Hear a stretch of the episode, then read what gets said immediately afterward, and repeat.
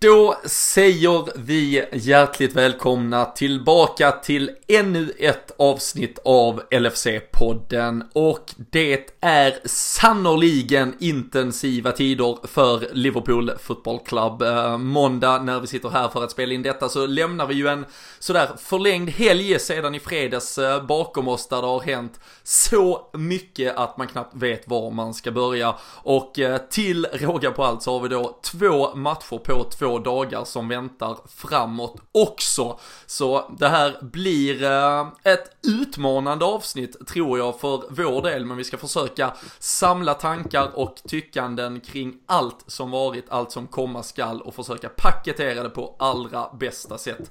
För er skull, så att ni har en eh, sådär ungefärlig timme framför er att njuta av allt det som berör vår kära klubb. Men man kan väl inte understryka eh, tydligare än någonsin när det är dessa tider att även då supporterklubbens hemsida, som numera finns på lfc.se, är the place to be. Det är där man får spendera sina dagar och nätter nu för tiden känns det som, för det är så mycket som händer i och kring klubben. Nu är det som sagt matcher som väntar till höger och vänster också, så för att ha en chans att hänga med liksom i snacket så är det ja, att rekommendera att man håller sig frekvent uppdaterad. Och som vi nämnde förra veckan, ifall någon missat det, numera är det lfc.se som gäller. Punkt nu är ett minne blott. Även om vi såklart ser till att hjälpa er in på rätt adress om ni knappar det fortfarande. Men supporterklubben på lfc.se och så här med drygt en vecka till jul så kan vi ju verkligen också tipsa om eh, en, eh, ja men ett julklappstips som såklart är ett medlemskap i supporterklubben. Man fixar det på några knapptryck, man behöver inte sticka iväg och eh, handla och så är det bara att lägga ett litet snyggt brev under granen där man välkomnar in kanske pappa, mamma, syster, bror, sambo eller någon annan som man håller kär in i den röda familjen.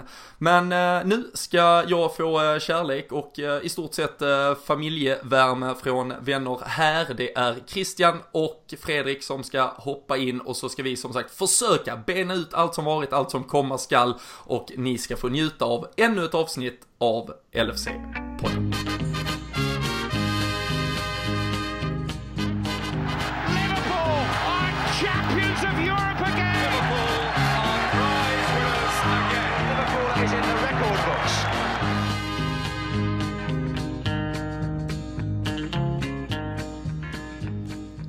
Jajamensan, det är en uh, otroligt fruktad fronttrio som har uh, satt sig ner här för att ta sig igenom allt det som varit, allt som komma skall. Eh, och det var ett tag sedan vi satt eh, tillsammans just vi tre, så jag känner mig extra pepp. Det är en riktigt härlig måndagkväll och eh, som eh, vi har nämnt här Fredrik, eh, en helg som varit, en vecka som komma skall, där man knappt vet i vilken ände man ska börja av spektrat när det gäller Liverpool Football Club längre, för det händer fan saker överallt känns det som. Mm, ja, det kan man ju lugnt säga. Jag, och, samtidigt som Liverpool, ja, det, som du säger då, nyhetsmässigt börjar sippra ut på tok för mycket nyheter för vad jag hinner med att läsa så går jag in i det mest äh, intensiva jobbarbetets äh, eh, vecka och månad här nu så att jag hinner knappt nästan eh, läsa igenom någonting förrän man eh, sätter sig på, på dass och ska ta upp telefonen. Då ser man att eh, Klopp har skrivit på nytt kontrakt och allt möjligt. Så att, eh, jag vet inte riktigt hur det här ska sluta men bra nyheter har det väl i alla fall kommit ut. Det är väl det, det mest positiva av det. Långa toapauser att vänta ja, helt enkelt. Ja, lite för långa. Ja, ja men det är bra. Det, det kan man, eh, ska man, kan vi tipsa om och passa på att unna sig här i julstressen så man inte kör, eh, kör slut på sig. Krille, eh, en dryg vecka till jul. Eh, Liverpool och alla fotbollsälskares eh, stora julafton är väl visserligen den 26 men det ska spelas en del fotboll fram till dess. Hur, eh, hur är känslan eh, som Liverpool-supporter i dessa dagar? Ja, den är fantastisk så här i juletider som du säger med och som Fredrik nämnde det här med Klopp skriv på kontrakt. Det är ju den bästa julklappen man kan få så att jag behöver egentligen inte ha någonting mer under granen utan det räcker med påminnelsen om just den händelsen. Sen är det ju fantastiskt att det händer mycket kring Liverpool och positivt också och sen är det de här matcherna. Visst, det är tajt matchande och det slits väl lite både på äh, spelare och fans egentligen. Men det är ju underbart att följa Liverpool nu så att äh, det är väl bara att någonstans sätta sig ner med glöggen och njuta i juletider och så får vi se var, det, var vi landar helt enkelt. Mm. Ja men så är det ju och eh, det är ju, det är ju stort sett unikt. Vi satt här och, och skrattade lite i stort sett innan vi börja spela in med hur många punkter det fanns att eh, diskutera kring eh, klubben en, en dag som denna. Ibland kan man sitta här vissa måndagar och känna att ah, eh, vad ska vi egentligen behöva finns det? Finns det något kul att plocka upp och sådär? Och nu var det ju snarare att man fick verkligen sortera och så satt vi där och så kom en på just det, och så var det Champions League-lottning idag också. Det, det har varit väldigt intensivt, antagligen någon form av rekordintensivt eh, med tanke på också hur matchandet ser ut här framåt och eh, det är såklart vissa av de här punkterna som egentligen är eh, men, välförtjänt av eh, väldigt mycket mer tid än vad vi kanske kommer kunna lägga på det. Eh, hade det varit en normal vecka så att säga och Jürgen Klopp hade skrivit ett nytt kontrakt kanske hade suttit här en timme och pratat om bara det. Eh, så det finns säkert den som har suttit där hemma och väntat på att oh det här ska bli kul att höra om så känner att ah kunde de inte pratat lite mer om det och vi får väl försöka att utveckla vissa saker lite längre fram. Man kan alltid följa med i diskussionerna på sociala medier och så vidare. Och är det något man vill liksom att vi ska ta upp lite mer eller prata djupare djupare om längre fram så ska vi ju såklart försöka väva in det också. Men eh, kronologiskt eh, där Fredrik så var ju första toa-breaket i fredags eh, när du nåddes av nyheten att eh, Jürgen Klopp hade skrivit nytt kontrakt. Eh, följdes ju faktiskt också av att Steven Gerrard först bara en timme lite drygt eh, innan dess eh, gick ut officiellt med att han stannade i Glasgow Rangers till 2024 och eh, bara där blev man lite glad. Det kändes som liksom så här mjukstart, bra, trevlig nyhet på fredag förmiddagen. Men eh, sen small det ju verkligen för vår del med att Jürgen Klopp och eh, staben i form av eh, Kravitz och Pep Linders dessutom då stannar till 2024 på Merseyside och det var ju faktiskt väldigt många som nog, och där har jag också uttalat mig, trodde att Klopp, hur mycket han älskade Liverpool, kanske såg sig som en ganska cyklisk manager som skulle vara färdig med projektet Liverpool 2022. Uh, var du också överraskad att det faktiskt blev redan nu en förlängning med två år?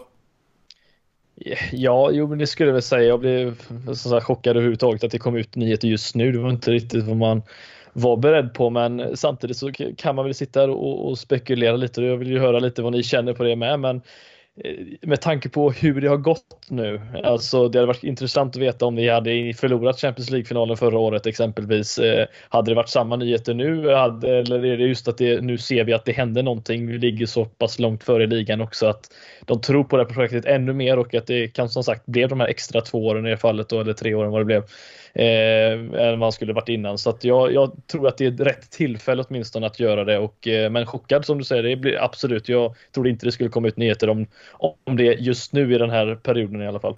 Nej, men ska man tro det som jag tyckte var, jag tyckte en ganska intressant take på det så att säga. Jag läste, tror det var David eh, Ornstein i eh, The Athletic som skrev om hur FSG ser lite på projektet kring Liverpool och det är väldigt uttalat att nu när vi är på den absolut yppersta toppen att eh, nu ska vi ju såklart eh, också roffa åt oss så många pokaler vi bara kan med det laget vi har och med den managern som leder oss. Och eh, där ser de ju att denna säsongen är en där vi ska kunna vinna ligaguldet, vi ska väl eventuellt slåss om en Champions League-titel återigen också. Och även att vi med i stort sett samma lag nästa år ska kunna göra det. Men däremot så ser man att kanske då året därpå som annars hade varit Klopps sista 21-22 skulle kunna vara en ja, någon form av ett litet mellanstopp igen där vi kanske behöver göra en utväxling på två, tre, fyra spelare i startelvan. Man måste bygga om lite.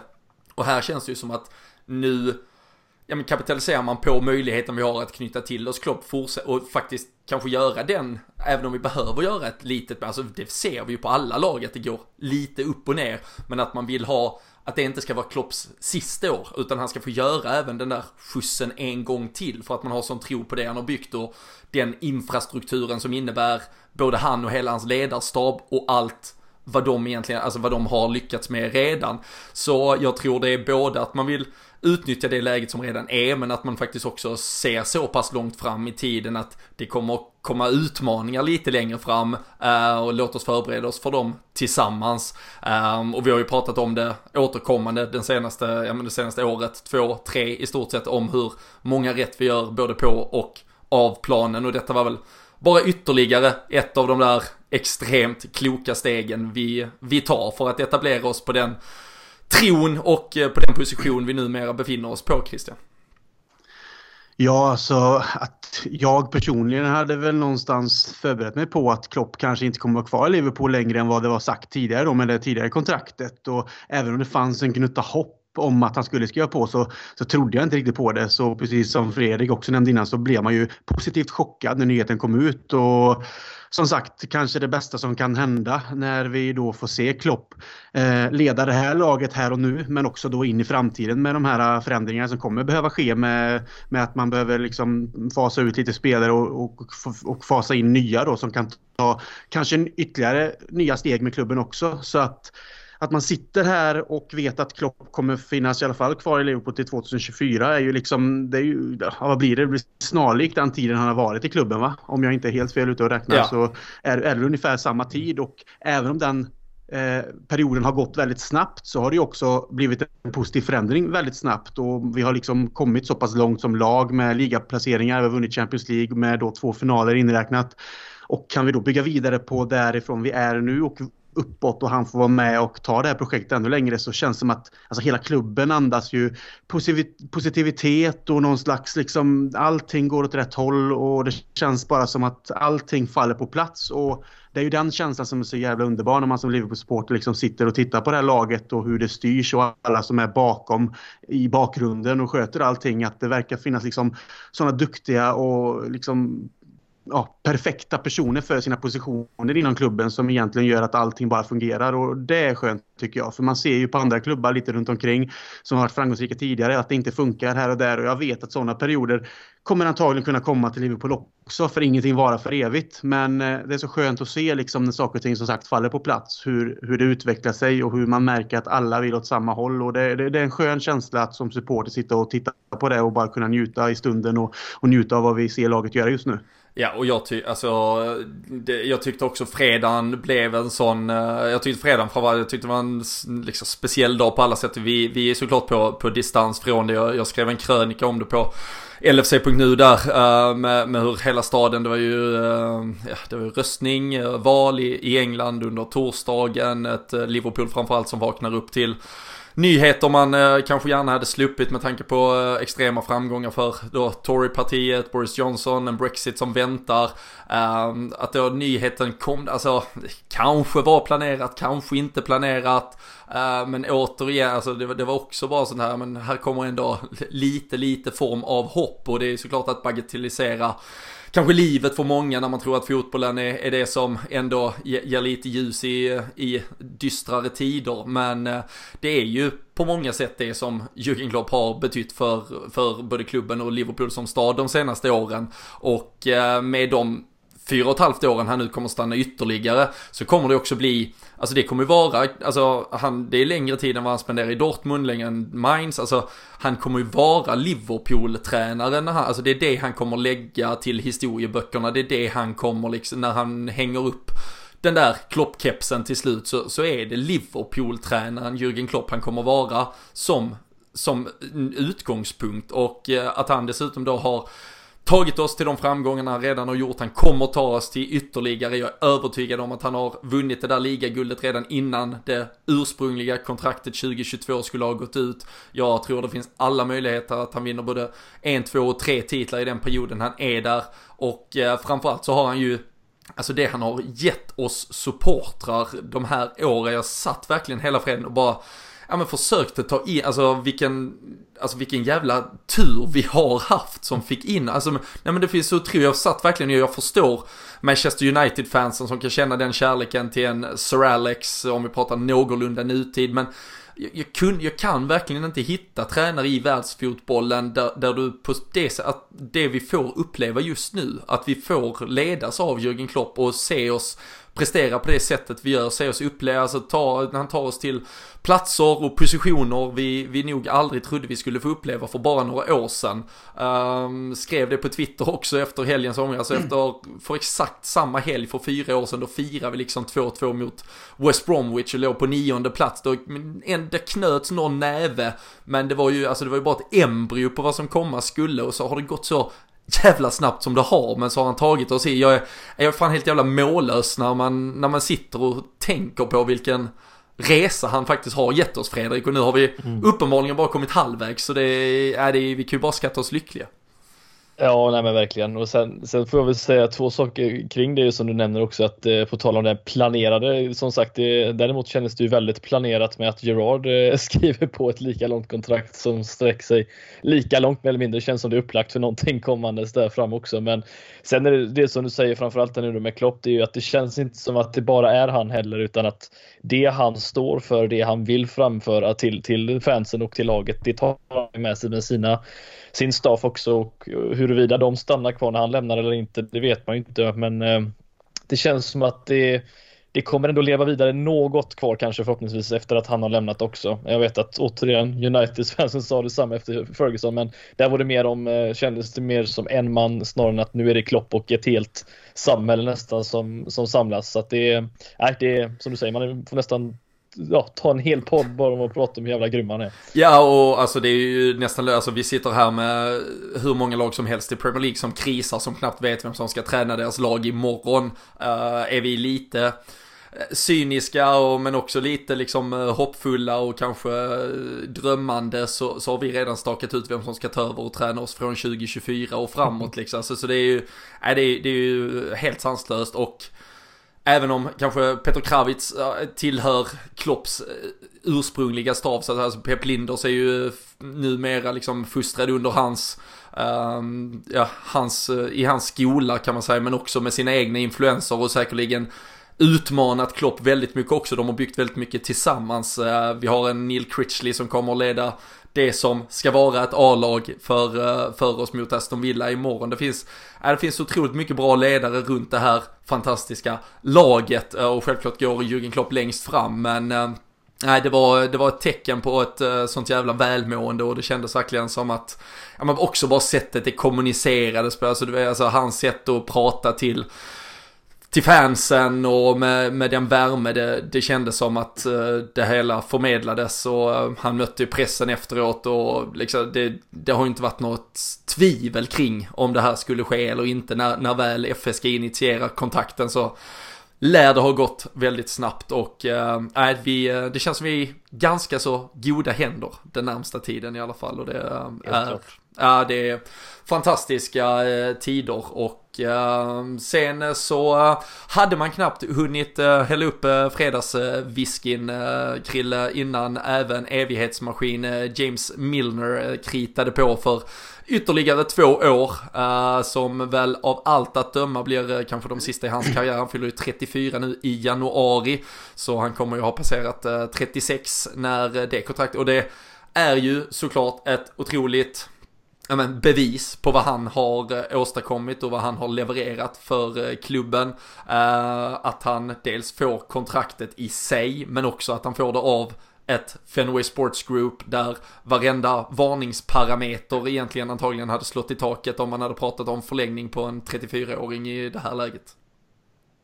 Ja, och det tror jag också det finns en klopp såklart med i det spelet. Eh, för en James Milner är ju en spelare som Klopp har gått ut och hyllat både som, eh, som professionell fotbollsspelare för hur han liksom sköter sig och återhämtar sig och den han är på planen men också människan James Milner på, utanför planen helt enkelt. Och det är ju det, han, Klopp vill ju ha karaktärerna i sitt lag och att ha den här typen av pappa kan man väl kalla James Milner då fast ja, han är lika gammal. Farfar.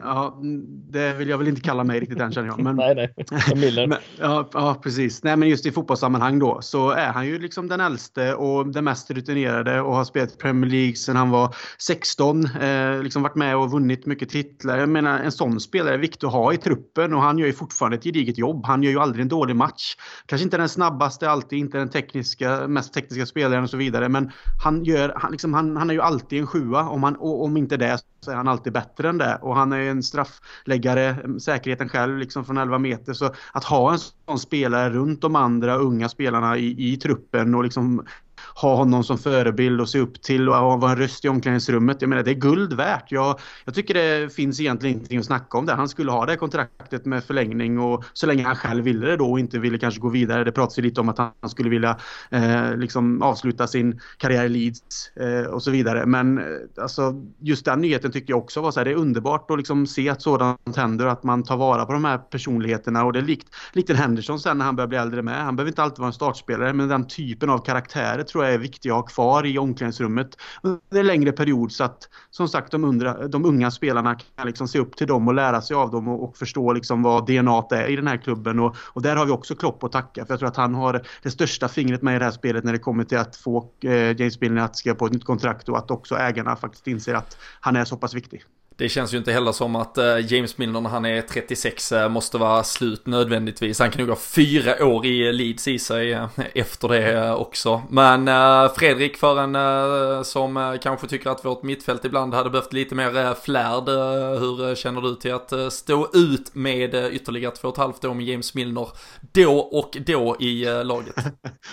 Ja, men jag vill faktiskt typ precis säga det nu när Christian satt och, och nämnde detta. Att jag vill minnas att jag och Christian faktiskt satt och spelade in en podd för Gud vet när, men det var ju tidigare under säsongen. Vi pratade just om James Miller. Jag sa jag vill se två år till, det vill säga detta och ett till minst. Sen, sen känner jag nog att vi kanske behöver gå vidare av någon anledning vad det nu kan vara. Men jag har inga, absolut inget, inget emot det. Så länge han inte som sagt står för sina ballongbollar till inlägg så är jag jättenöjd och det har vi inte fått se på, på sistone. Så att jag känner mig hur nöjd som helst.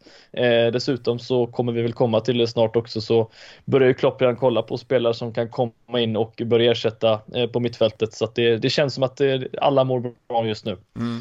Och eh, James Pierce eh, kanske släppte fredagens absolut bästa nyhet sen när han satt i en eh, Q&A på eh, The Athletic och sa att Adam Lallana däremot, han får lämna i sommar. Ser det ut som. är, är det bättre än Klopp-nyheten? Det var väldigt väntat. Det var ja. väldigt väntat. Ja, mm. så nej, det är väl, där är väl en mittfältsposition som eh, lär um, ersättas. Um, vi får väl säga en Curtis Jones står ju i, um, i skuggorna och uh, än så länge förbereder sig för ett A-lagsliv. Men eh, vi får väl se om det kanske blir ett lån för honom redan nu här under eh, våren. Eh, eller om han ska ut på lån nästa säsong. Ehm, och ehm, annars så kommer ju säkert Liverpool också att börja titta på andra alternativ. Men vi har inte tid att prata om silly och sånt som kan hända i januari eller för all del till sommaren kanske mer troligt nu. För det har ju spelats fotboll, det har lottats Champions League-bollar och det ska framförallt spelas ännu mer fotboll. Ehm, Watford eh, var det som gällde i lördags eh, och eh, det var ju stärkta såklart av fredagens alla fantastiska nyheter egentligen som man gick ut mot ett Watford med ny tränare i form av Nigel Pearson. Han klev ju in då inför Crystal Palace-matchen förra veckan men då satt han på läktaren och såg sitt lag bronka sig till 0-0 och vi såg ju vad exempelvis en eh, Duncan Ferguson kunde göra med lite injektion, lite jävlar anamma i sitt eh, Everton.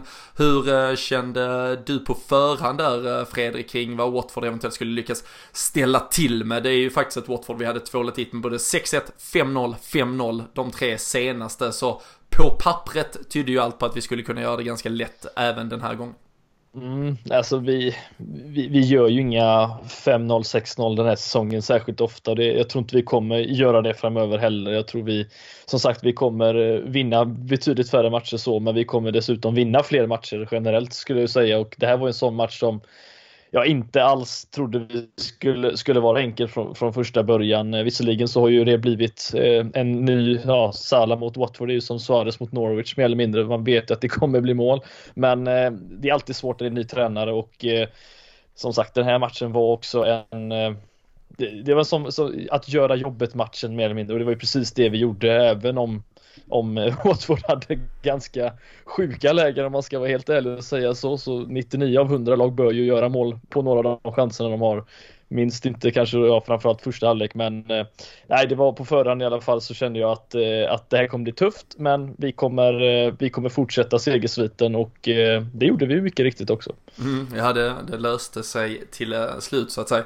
Christian, eh, ändringar i starten, det var ju på tal om ballonginlägg från James Milner. Han gick ner och vikarierade på vänsterbacken och så var det Shadan Shakiri som fick chansen på mittfältet i, i vad som, eller väl oftast var en 4-2-3 ute till höger då med Salah lite mer intryckt eh, centralt. Eh, vad tyckte då, liksom fick vi till eh, matchplan? Var det Watford som gjorde det bra? Var det vi som var sömniga? Klopp har ju pratat mycket om de där tidiga lördagsmatcherna. Han eh, hatar ju dem i, stort sett och man vet ju själv när man är på plats att eh, det är ju inte, ja, man har ju knappt hunnit en, eh, en bärs innan liksom. Det är ju inte samma party som det kan vara en lördagkväll direkt och det kändes som att alla var lite sådär halvslitna redan från start.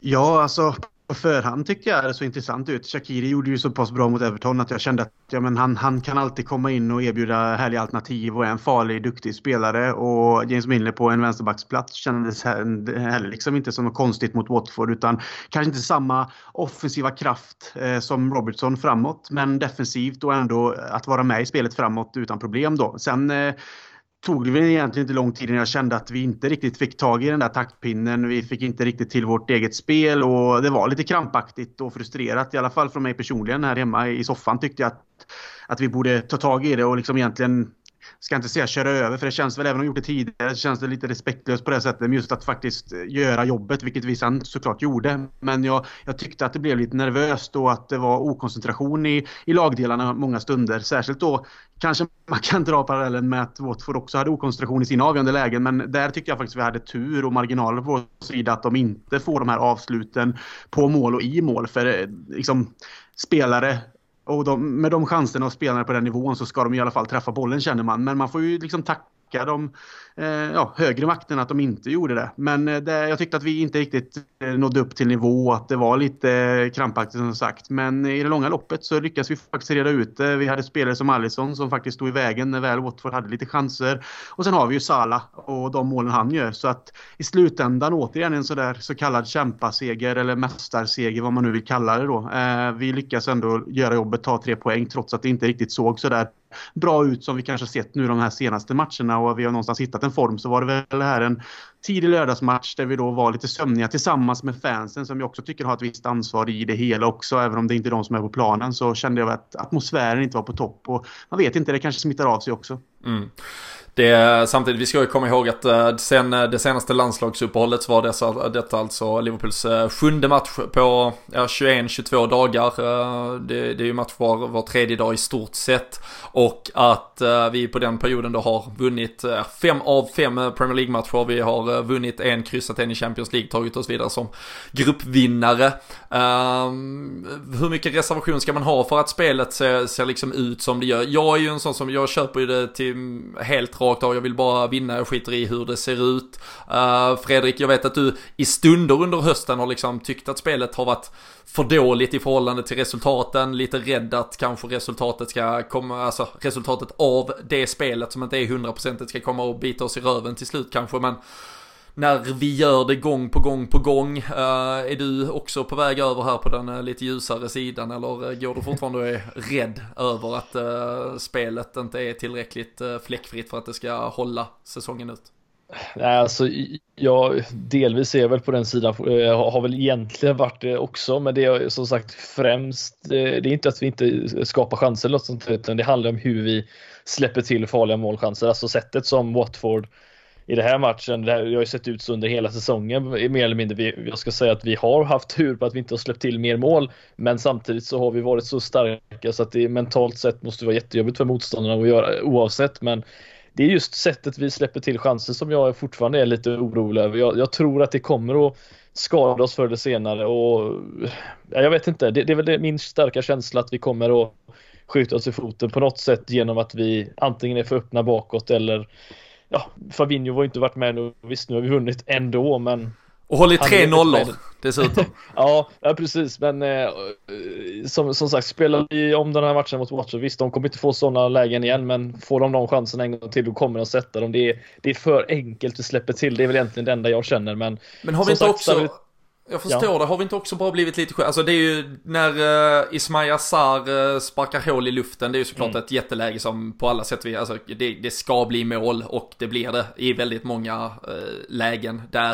Uh, men de andra lägena, alltså där är ju ett uh, Deulofeu har rätt friläge och är igenom och så vidare. Men ska inte också Alisson, alltså det ska man väl kunna släppa till och så ska man rädda, alltså man, en målvakt ska väl också behöva göra två räddningar ibland och sådär liksom. Det målar vi inte fan på, alltså vi bränner ju minst lika många lägen varje match. Och då är det ju vi så som är, är dåliga sägs det. Ja, kollar man, men kollar man Salas läge mot Salzburg exempelvis, ja det är ju, det är liknande chanser som bara ska mm. vara mål. Det, det, jag känner är fortfarande att jag vet vi kanske inte ska dra jämförelser med förra säsongen för att då vann vi inte någonting mer än Champions, ja, i ligan i alla fall. Eh, vi är bättre den här säsongen helt klart när det kommer till att vara en stabil enhet eh, fram och bak, men det känns som att det har hänt någonting. Vi släpper till på tok för mycket sådana här alltså extremt farliga chanser än vi gjorde förra säsongen. Visst, vi man kanske luras lite av att Alisson fortfarande gjorde jäkligt många farliga, eh, alltså räddningar på farliga lägen, men eh, det kanske är lätt, man, man är ju nervös när man sitter och kollar Robin, det är ju det som är grejen, man sitter nej, och tror det värsta hela tiden. Håller med. Det, men, eh, men nej, jag, jag är fortfarande, jag tror att ska segersviten brytas eller den förlustfria sviten brytas, då tror jag det potentiellt kommer att vara eh, på grund av att vi släpper till det som vi gjorde mot Watford. För det gör de ett, ett mål där så ja det, det, det, ja, det var en sån jobbig match att kolla på helt enkelt. Men vi gjorde jobbet, vad, vad mer ska man säga? Nej men så är det ju och uh, jag, jag tycker väl att när man har gjort det så många gånger som vi har gjort, vi har alltså vunnit 25 av de 26 senaste Premier League-matcherna, vilket Inget lag någonsin genom alla tider har gjort det. Det är helt eh, sanslösa siffror. Och Eh, vi, vi är ju på väg mot eh, ja, men en, en rekordsäsong på alla sätt och vis. Och jag tyckte ändå, det var någon som skrev det ganska komiskt på Twitter att ja, men eh, Liverpool har sån jäkla tur nu för tiden. Eh, även om det går emot dem så är det alltid någon som eh, löser det för dem. Till exempel Salah, Mané, Wijnaldum, Firmino, Sa alltså, Alisson, van Dijk. Alltså, det är liksom så här, det är ju inte en som gör det varje gång. Var det inte Mané, ja men då är det Salah, eller så är det Alisson som gör räddningar, eller så är det Trent som har en magisk fot, eller så är det någon mittfältare som plötsligt gör mål, eller så är det Origi som kommer in, eller Shakiri som gör det bra, eller så Keita kommer in och så gör. Så det, alltså, det är ju inte tur längre, alltså det är ju en styrka, alltså vi är så jävla starka och det är så otroligt imponerande.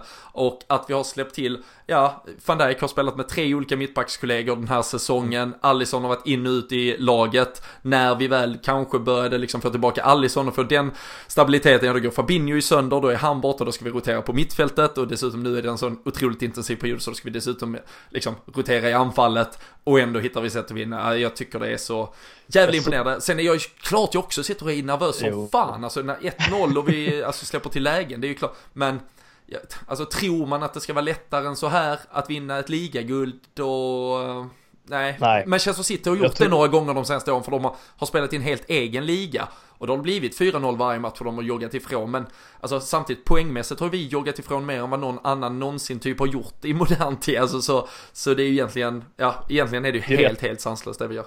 Det är ju det att vi har suttit och klagat i podden i sex säsonger och nu plötsligt ska man sitta och vara positiv. Jag vet inte riktigt, det känns så konstigt Robin. Det är, det är, jag är inte van med detta. Nej, det men jag, jag, ska försöka äh, få över det här på. Jag, jag ja, känner att jag har äh, lyckats äh, nästan i alla fall. Så. Ja, Nej, det är eh, som sagt både på och eh, vid eh, sidan av planen helt fantastiska tider att vara Liverpool-supporter. Och skulle man någonsin tröttna på att vara Liverpool-supporter så är kanske Norwich laget man ska välja. Först tog de en programenlig förlust mot oss i premiären. Sen vann de över Manchester City och nu stal de poäng av Leicester, Krille. Så 10 poäng har vi ner till Leicester på andra plats, 14 fortfarande till Manchester City på tredje.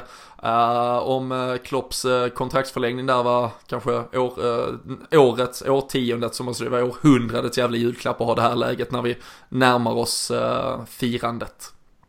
Ja, och det är ju liksom no pookie no party där kan man ju kalla det för. Han kommer in och gör sitt nionde mål tror jag det var för säsongen och det är ju en succé i sig när man spelar i Norwich och var en sån eh, spelare som betyder så mycket för en nykomling och så gör han de här viktiga målen. Sen att eh, Leicester fick in en, ett mål också men att de snodde poäng då Norwich från dem det, Ah, det gör ju att man mår mycket bättre. Jag satt här i, i soffan hemma i Norrköping och hade brorsan och morsan faktiskt på besök och vi satt alla och tittade på, på matchen här och liksom glädjen som också kommer när Pucke gör mål är ju någonting som nästan är lika samma glädje som när en Liverpool-spelare gör mål. Så att eh, vad det betyder att eh, andra lagen tappar poäng när vi fortsätter vinna. Det är klart som fasen att ju mer mark vi lägger emellan oss och de bakom desto ljusare ser det ut utan att på något sätt vara den som tar ut någonting i förskott så kan man ju inte hjälpa att man liksom knyter en näve och är förbannat glad när det sker. Och nu kommer ju City och Leicester möta varandra här när vi har en, eh, en mm. match i, i hand om man säger så när vi har spelat i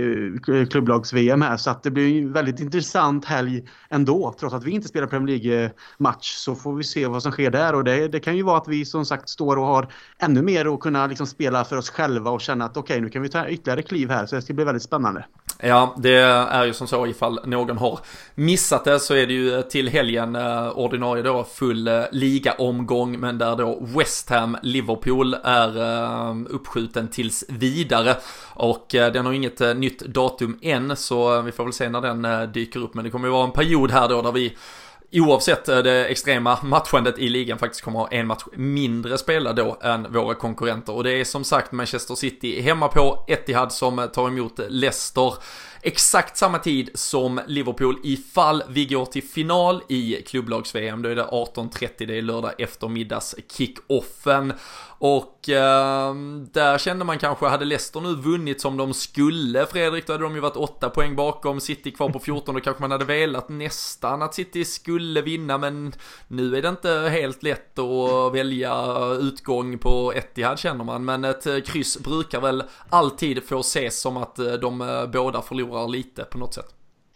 Ja, nej, ett kryss skulle jag säga är helt klart, eh, helt klart att föredra. Jag tror oavsett hur långt ifrån vi är City så ska jag säga så att det finns betydligt eh, roligare lag att ha jagandes i slutändan. Vi vet hur, hur farliga de kan vara, så jag ser gärna dem tappa så mycket som möjligt samtidigt som att man inte då vill se ett Leicester som faktiskt känns väldigt stabilt och bra inte ska ta några onödiga trepoängare i så sätt. Så att eh, nej, för mig är kryss eh, helt klart att föredra för det är som sagt hade kunnat vara riktigt jobbigt att behöva åka till, till Leicester och, och möta dem och veta att det inte är så många poäng som det är just nu i alla fall. Men eh, nej, det känns skönt på något sätt att veta att blir det ett kryss där då, då har man ännu bättre förutsättningar sen.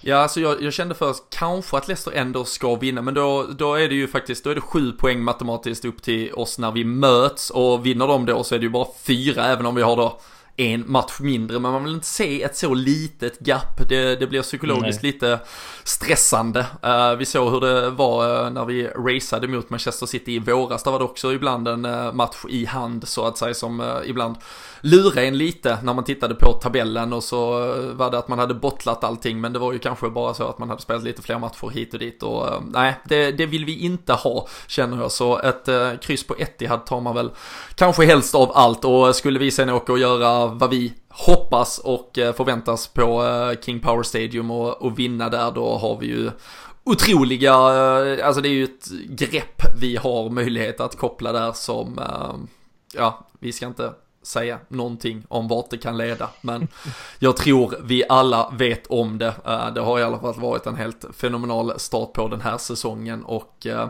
oavsett egentligen eh, resultat de, de närmsta veckorna så kommer det vara en vårsäsong där Liverpools dröm om det där ligaguldet lever på fullaste allvar och eh, vi hoppas eh, såklart att eh, vi står där eh, när det väl ska eh, avgöras. Eh, men nej, fantastiska tider på och av planen och eh, till våren så inleds också en uh, ny resa mot en uh, sjunde Champions League-titel, Christian. Och uh, resan börjar där förra slutade, på Wanda Metropolitano i Madrid. Vi har lottat här mot Atletico Madrid och alternativen var ju Lyon, Atalanta, Atletico Borussia Dortmund och eh, Real Madrid. Är du en av de här självskadebenägna som vill ha bästa möjliga först i Real Madrid eller hoppades du också på ett skadeskjutet och nedgånget Lyon eller Atalanta kanske? Ja, alltså någonstans hade vi hoppats på Lyon eller Atalanta just för som du säger, ett är skadeskjutet, det andra är orutinerat. Sen ska man kanske inte säga att det på något sätt är lättare men man någonstans hoppas man kanske på det för att det på något sätt på pappret ändå ser enklare ut och med den rutinen vi har i Champions League och det laget vi har idag så, så skulle det egentligen kanske inte vara de största problemen utan att ta ut någonting förskott. Men sen är jag också den som egentligen inte bryr mig vilka det blir för jag känner att vi är så pass bra idag så vi kan slå alla lag över två matcher. Det visade vi redan förra säsongen när vi liksom spelade mot Bayern München.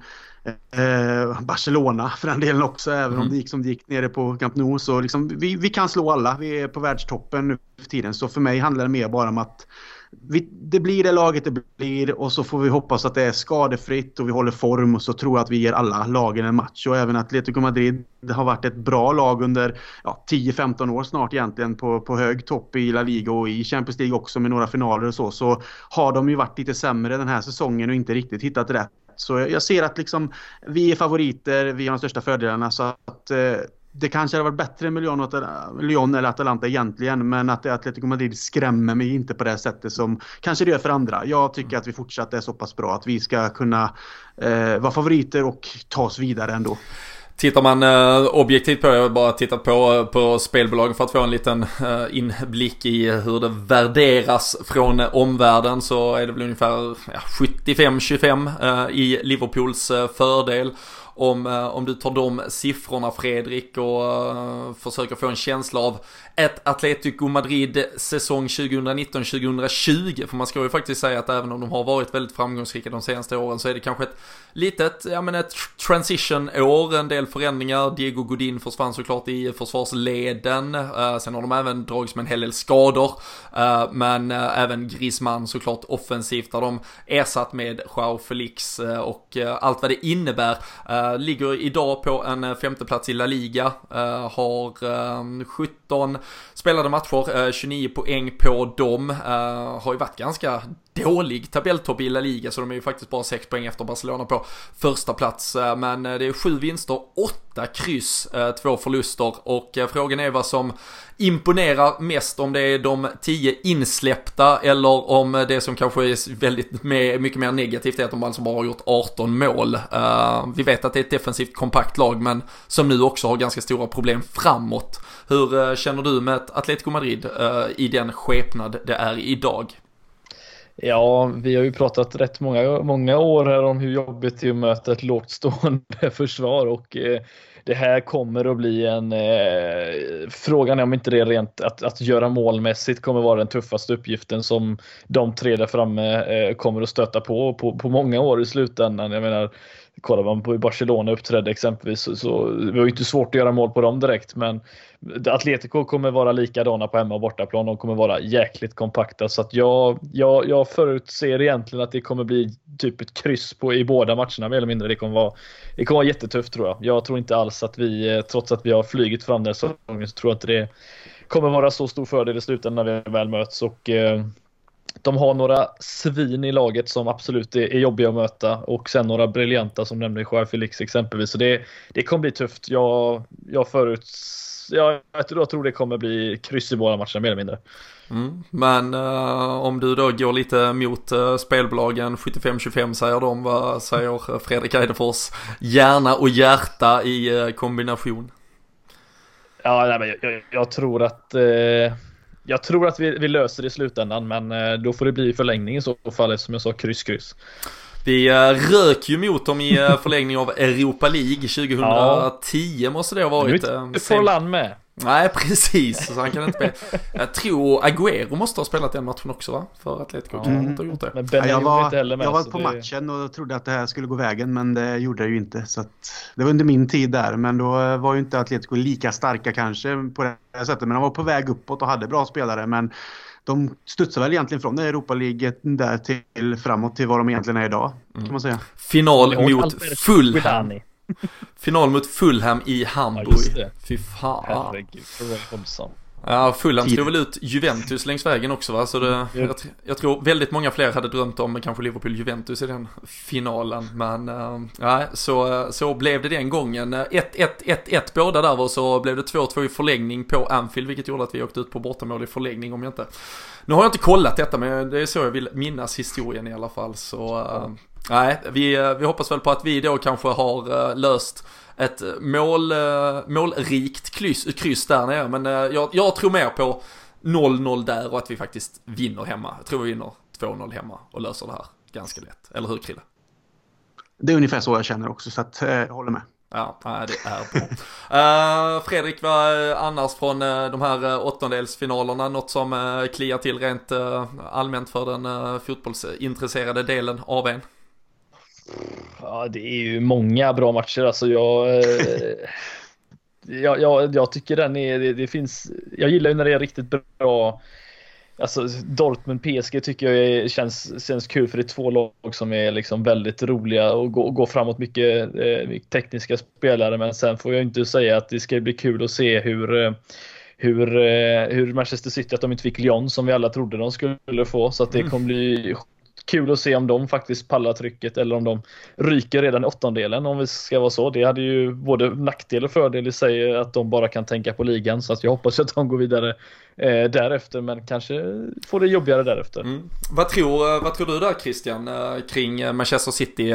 Real Madrid får de ju nu och det finns ju en, ja i alla fall en en sannolikhet eh, får man väl absolut säga, men också en förhoppning från Liverpool-håll att vi har ett ganska gott försprång till dem i ligan. Eh, det är ju faktiskt först i, i mitten, slutet av februari och till och med i mitten av mars som åttondelsfinalerna avgörs. Det är ju ett ganska långt eh, steg till dess. Men ett City som kanske känner att de inte riktigt har häng på Liverpool. Tror du att fokus kan skifta helt nu när de verkligen måste ta ut sig i två Champions League-matcher där och att det kan vara till vår fördel eller tror du det är en nackdel? Finns det någonting att ens väga in i det hur de här lotterna har fallit eller eh, är det wait and see som eh, en spelare och tränare hade sagt om vi hade frågat dem? Nej, men jag tror att det ändå finns en, en fördel oss eh, om man utgår från att läget fortsatt ändå över jul här nu och lite längre fram in på det nya året ändå ligger i samma position i ligan som vi gör nu. Att vi fortsatt har ett bra gap ner till dem och att vi fortsätter vinna. Även om de gör det så ligger liksom fortfarande gapet kvar och eh, är det så att de ja, kan ta sig förbi ett Real Madrid så tror jag att det är en fördel oss. För då tror jag att det såklart ett fokus blir skiftat mot Champions League istället. För jag tror att eh, gapet för dem kommer kännas för långt. Jag, läste väl någonstans nu att Fernandinho redan hade gått ut och sagt någonting att de tittar ju först och främst på Leicester nu, att det är dem de jagar och att liksom Liverpool liksom är så pass långt upp nu så att där kan man egentligen bara vänta och se egentligen för att vi måste ju någonstans börja förlora eh, relativt många matcher, vilket jag inte tror att vi kommer göra för vi är så pass starka och det tror väl inte de flesta andra heller kanske, både spelare och ledare och experter där ute, just sett till hur vi faktiskt spelar och den form av det laget vi är. Men Får de ta sig vidare mot Real Madrid så gör det mig ingenting för att jag tror att det som sagt ger oss en fördel i deras jakt på en titel och då kommer ligga på Champions League istället för Premier League och då kanske vi lyckas skaka av oss dem ännu enklare för vi vet som sagt som Fredrik sa innan att de, de är livsfarliga om de hittar formen och kommer in i ett sånt flow då kan de gå och vinna egentligen alla matcher. Så får de sikta på Champions League-titeln utan att i slutändan ta den så tycker jag att det vore bra för vår del. Sen tror jag, och det, jag, alltså, jag, jag tror att den här matchen är, jag tror det är klockrent för, för oss, alltså den lilla procentuella del det här överhuvudtaget kan spela in på någonting i det stora, så tror jag ju såklart det är jävligt mycket bättre att de möter Real Madrid än ett Lyon till exempel. Dels för att de måste fokusera lite mer på den matchen, men också för att sannolikheten att de åker ut faktiskt också finns med. Och där tror jag skulle de vara, ja, fortfarande minst då en 10-12 poäng efter Liverpool.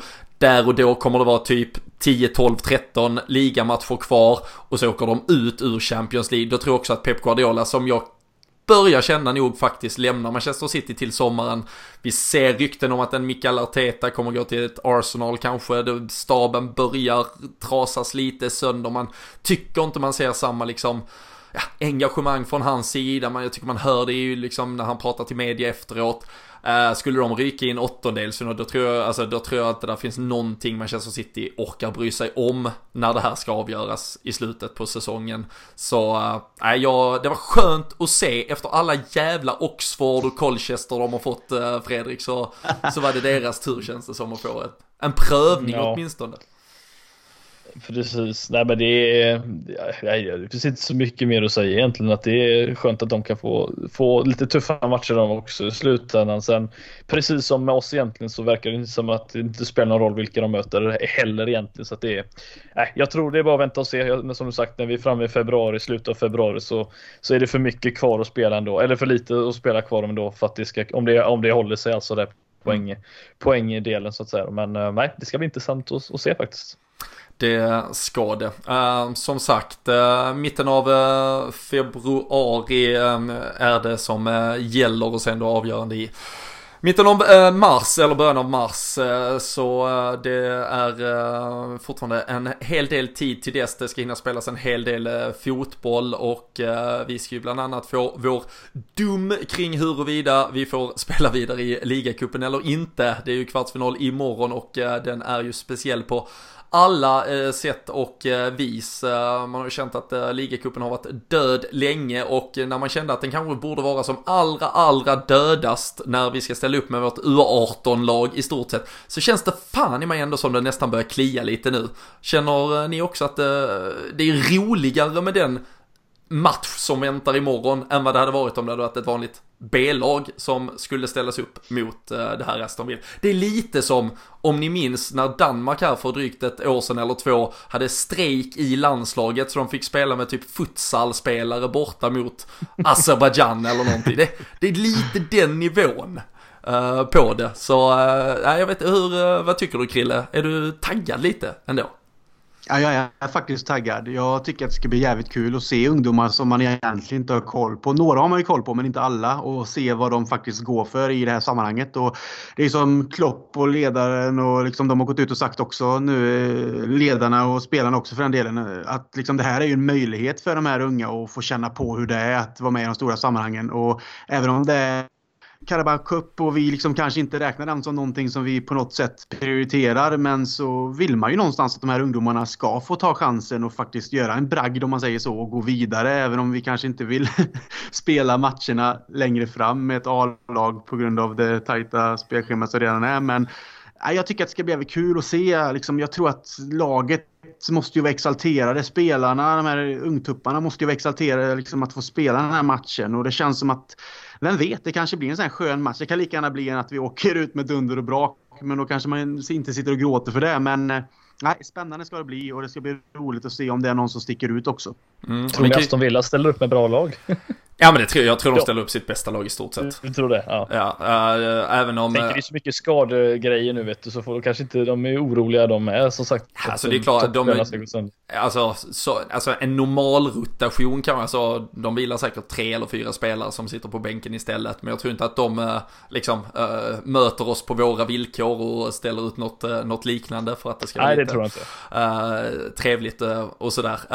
ganska kul om man då pratar lite, lite odds och förväntningar. Det är ungefär eh, samma odds på att Aston Villa ska slå oss då som det är på att vi ska slå eh, Atletico Madrid där i Champions League, Fredrik. Så, men jag vet inte. Det, vi kanske också... ja, nej, vi kanske också kan skrälla lite här.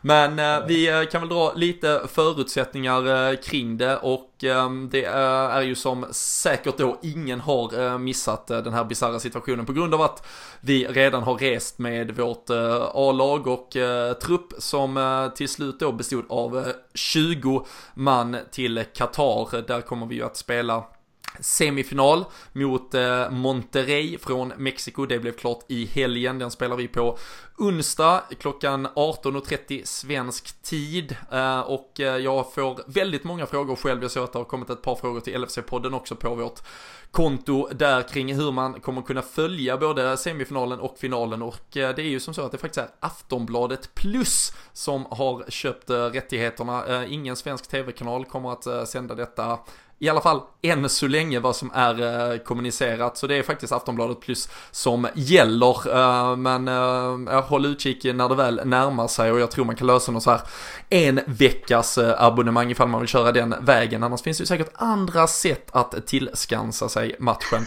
Men 20 personer har som sagt redan rest till Qatar. Vi hade ju tagit ut en 23-mannatrupp från början, men där kan vi då konstatera att Harvey Elliott, Rian Brewster och Dejan Lovren inte var med på det planet som jag åkte igår. Däremot så var Curtis Jones och Neko Williams det. Det betyder att de inte kan spela på eh, tisdag imorgon, alltså mot Aston Villa.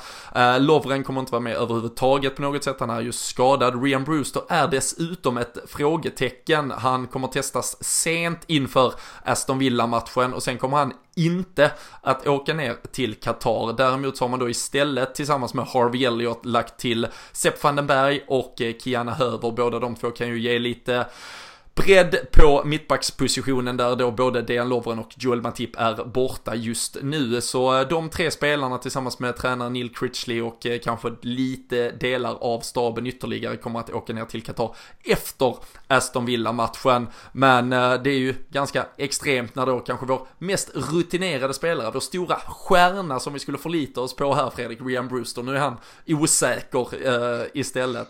Så uh, det är ett lag uh, som spås lite. Jag tittade, Redman TV gör ju ett, eh, de kör ett Academy-konto på Twitter där de följer eh, det än mer noga än vad man själv kanske tillskansar sig via liksom eh, både det man ser, hör och så vidare. Och en potentiell startelva är i så fall Kelle här i målet, Kiana Höver, Sepp Berg, Boys, Larusi, Chirivea, Kane, Christy Davis, Longstaff, Harvey Elliott och Rian Brewster sprängnamn rakt igenom. Uh, det, det, det, är ju extremt. Där är ju ett par namn som i ärlighetens namn de flesta av oss behöver googla för att ens ha koll på det. Men det är ju det som är så kul just som du säger att, att det är de här spelarna som ska få gå fram och göra det i en ligacupmatch liksom. Kvartsfinal Fredrik. Ja, precis. Eh, ja, det, är, det, är, det är fantastiskt roligt och som sagt att, att en eh, gamla räven Chirveya ska få vara lagkapten och styra detta laget mot seger. Ja eh, det, ja, det ska bli fantastiskt kul att se faktiskt. Jag hoppas Brewster där eh, får spela som sagt. Det eh, hade ju varit, varit fantastiskt kul att se honom som sagt som, som känns som den stora stjärnan som du nämnde att få ta Liverpool framåt i en, i en sån där turnering. Det har varit kul faktiskt. Ja, vi kan ju konstatera att Kelle här har ju stått eh, två matcher här i ligacupen, så han har ju två A-lagsframträdanden. Ehm, Kiana Höver var ju även involverad i en eh, fa Cup-match eh, förra säsongen, ehm, men sen spelade han väl inte mot Arsenal, nej då får han ju på VM, så han har också två ehm, A-matcher. Chirveya har ju gjort något inhopp hit och dit, Rian Bruce också två A-matcher. Så får väl ihop kanske 10 totalt i den där startelvan ungefär. Och, eh, men vad, vad tror, alltså Neil Critchley som kommer leda laget satt ju på presskonferensen då samtidigt att ja, men det, det är spelare de kommer, alltså de får sitt livs chans och eh, de förväntar samtidigt också att lite ta den som att de, de spelar ändå för Liverpool. Alltså vi kommer ju inte, det är inte så att vi anammar och blir Stoke helt plötsligt för att vi spelar med detta laget mot ett Aston Villa. Men hur tror du Krill att match, alltså tror du det blir ett Liverpool som ändå försöker spela? Det är helt omöjligt för oss att veta, men bara känslan inför blir det liksom ett Liverpool som tar det för vad det är. Vi vet att vi brukar kunna, hade det varit en U23-match då hade de ju tagit tag i taktpinnen, velat spela fotboll. Eller tror du vi lägger oss och, eh, ja men lite halvt eh, ger upp och väntar på att dö redan från början? Eller blir det kör och så låter bära eller brista?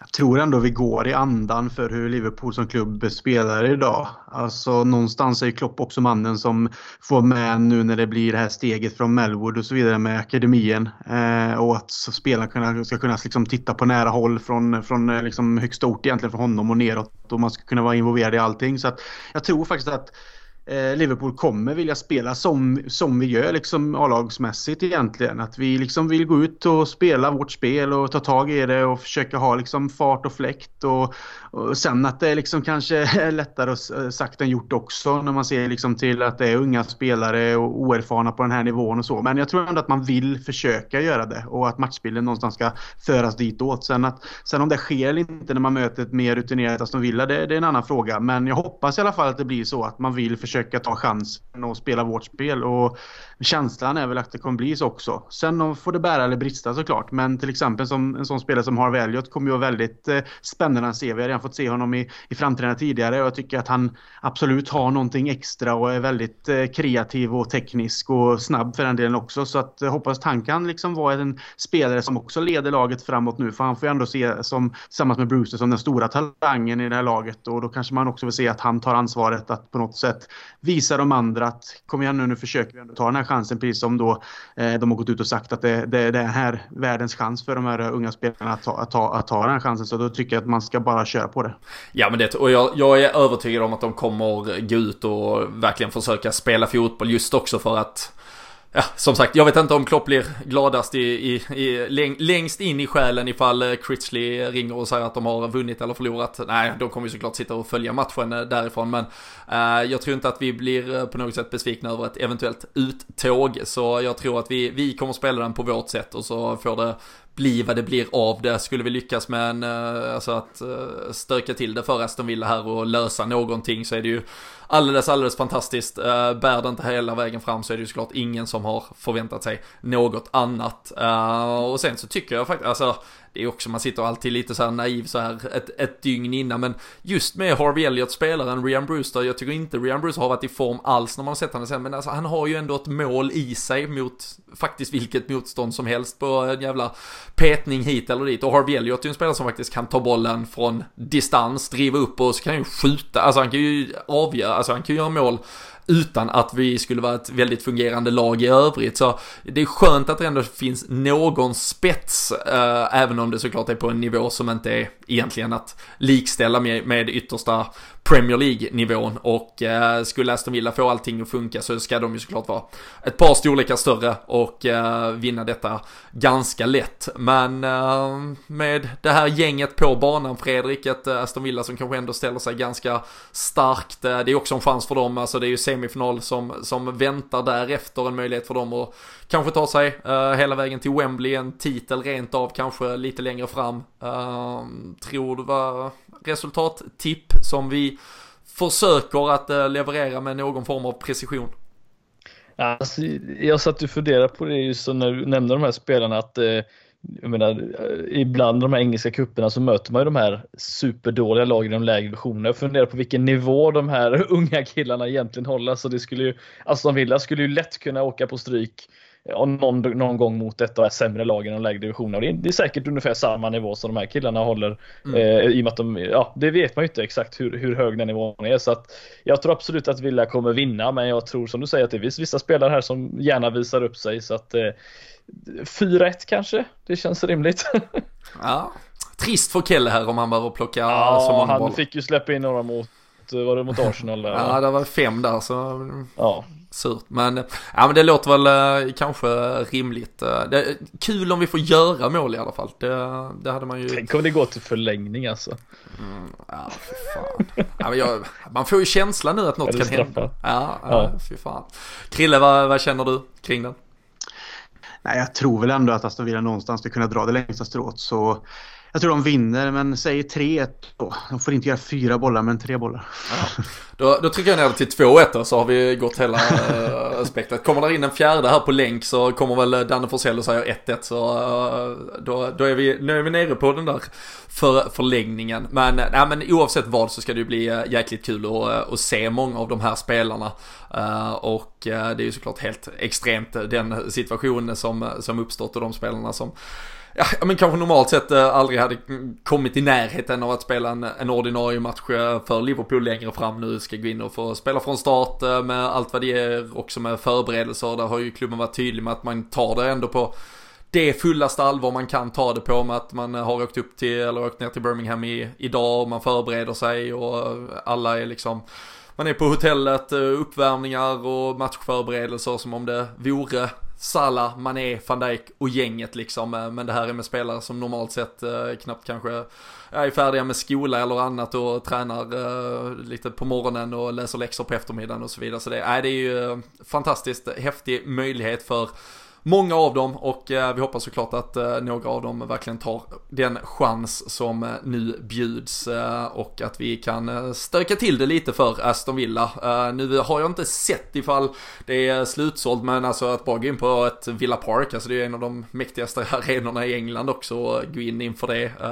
Kanske har varit lite surt med biljettförsäljningen när de visste vilket Liverpool-lag som skulle komma. Jag kan tänka mig att det annars hade varit lapp på luckan. Vi får väl se imorgon vad som gäller. Men eh, häftigt blir det i alla fall och eh, vi får se vart det landar. Eh, sen är det som sagt match 24 timmar senare och då i annan kontinent. Det är i Qatar vi möter som sagt Monterrey från Mexiko och vi ska inte gå allt för djupt i den. Men bara väldigt, väldigt kort Fredrik, hur tror du vi resonerar kring eh, startelva och rotation. Eh, det är ju eh, väl ändå kanske en dröm om en final och att vi faktiskt vinner detta nu när vi har åkt dit och gjort så seriöst av det som vi har och vi tar det på bekostnad av en ligacup och så vidare.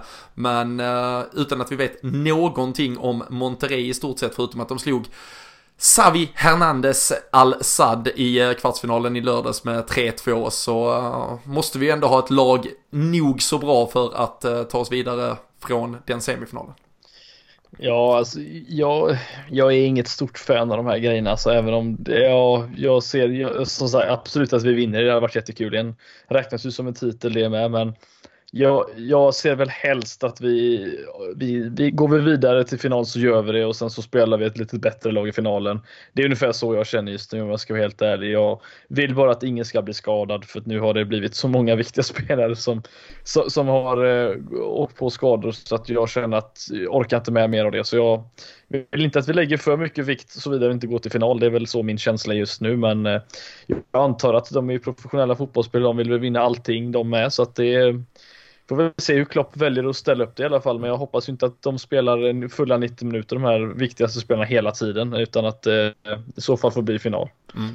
Det känns ju i alla fall, alltså det, det man ändå har fått till sig av spelarna och hur det har kommunicerats att spelargruppen är jävligt pepp på att vinna mm. Det, mm. det, här guldet. Det, det, har ju aldrig heller eh, hänt tidigare i Liverpools historia. Uh, där finns ju en viss uh, tröjsponsor eller tröjleverantör som står och väntar i uh, buskarna, höll jag på att säga, som gärna kanske sätter den här guldskölden på uh, sina tröjor nästa säsong också. jag tror klubben med FSG och allt vad det innebär också ur alla möjliga kommersiella perspektiv ser det som en, en ganska stor framgång ifall vi vinner det.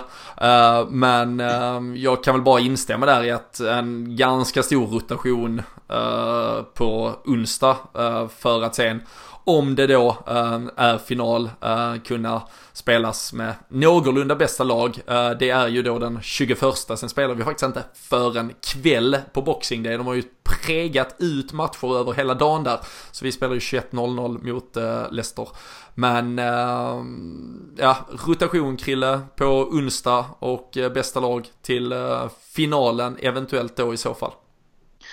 Ja, jag tycker det låter som en bra idé att man roterar lite och att man förhoppningsvis går vidare och sen kan eh, liksom ställa upp med ett, ett starkare, bättre lag i finalen och förhoppningsvis då lyfta den pokalen också. Jag personligen vill ju nu när vi ändå ska spela den som eh, regerande mästare i Europa så tycker jag att vi ska gå för den också. För jag är ju av, av den eh, ja, naturen att jag vill vinna allting som vi ställer upp i. Men sen såklart när det blir så här att man då får kanske sikta på ett klubblags-VM istället för Carabao Cup. Då har man ju full förståelse att ja, här får man prioritera. Ungdomarna får spela i den kuppen och vi satsar på den här. Först och främst för att vi inte har pokalen och för det andra för att vi, vi åker dit liksom som eh, representa, vi representerar Europa liksom i, i det hela. Så att eh, allt vi kan lyfta i skyn är ju underbart att se och jag tycker väl att vi på något sätt ska kunna slå mexikanerna med ett lag som är kanske roterat och det kanske kan komma in en Shakiri och Rigi till exempel. Men jag mm. tycker väl, ja, alltså man har ingen koll på, på dem som lag och de kommer väl att kämpa